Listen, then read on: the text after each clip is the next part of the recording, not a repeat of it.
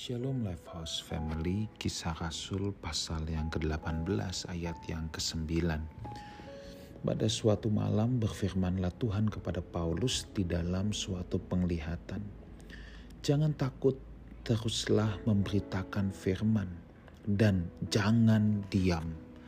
Saudaraku, Paulus dalam pelayanan penginjilannya merintis berbagai jemaat Tuhan di berbagai kota tentunya menemui banyak tantangan dan aniaya. Ya.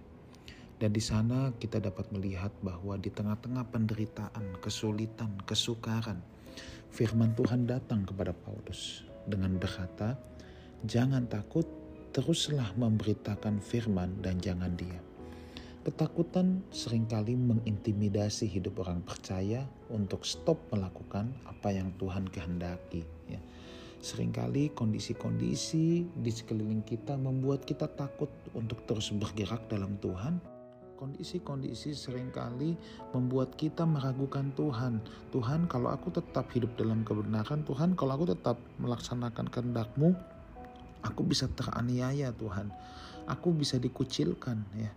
Mungkin kalau zaman sekarang kondisiku berat Tuhan kalau aku mau hidup sesuai firman, Aku bisa nggak punya teman Tuhan kalau aku mau hidup sesuai firman. Aku bisa kehilangan banyak hal kalau aku mau iring Tuhan. Nah, di sini kita diingatkan jangan takut. Ya, jangan takut.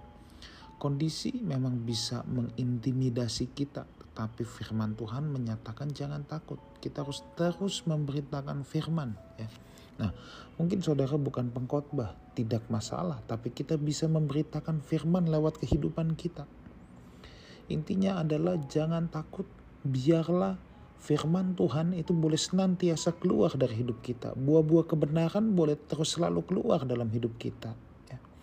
Kita tidak boleh menjadi bentar, menjadi terintimidasi oleh keadaan, tetapi kita harus terus berjalan maju, terus melakukan kebenaran sampai buah-buah firman Tuhan itu keluar, memancah keluar dari hidup kita dan jangan diam. Artinya jangan pasif, terus menyerang ke dalam jantung uh, kegelapan, terus kita berjalan dalam terang untuk menginvasi kerajaan kegelapan.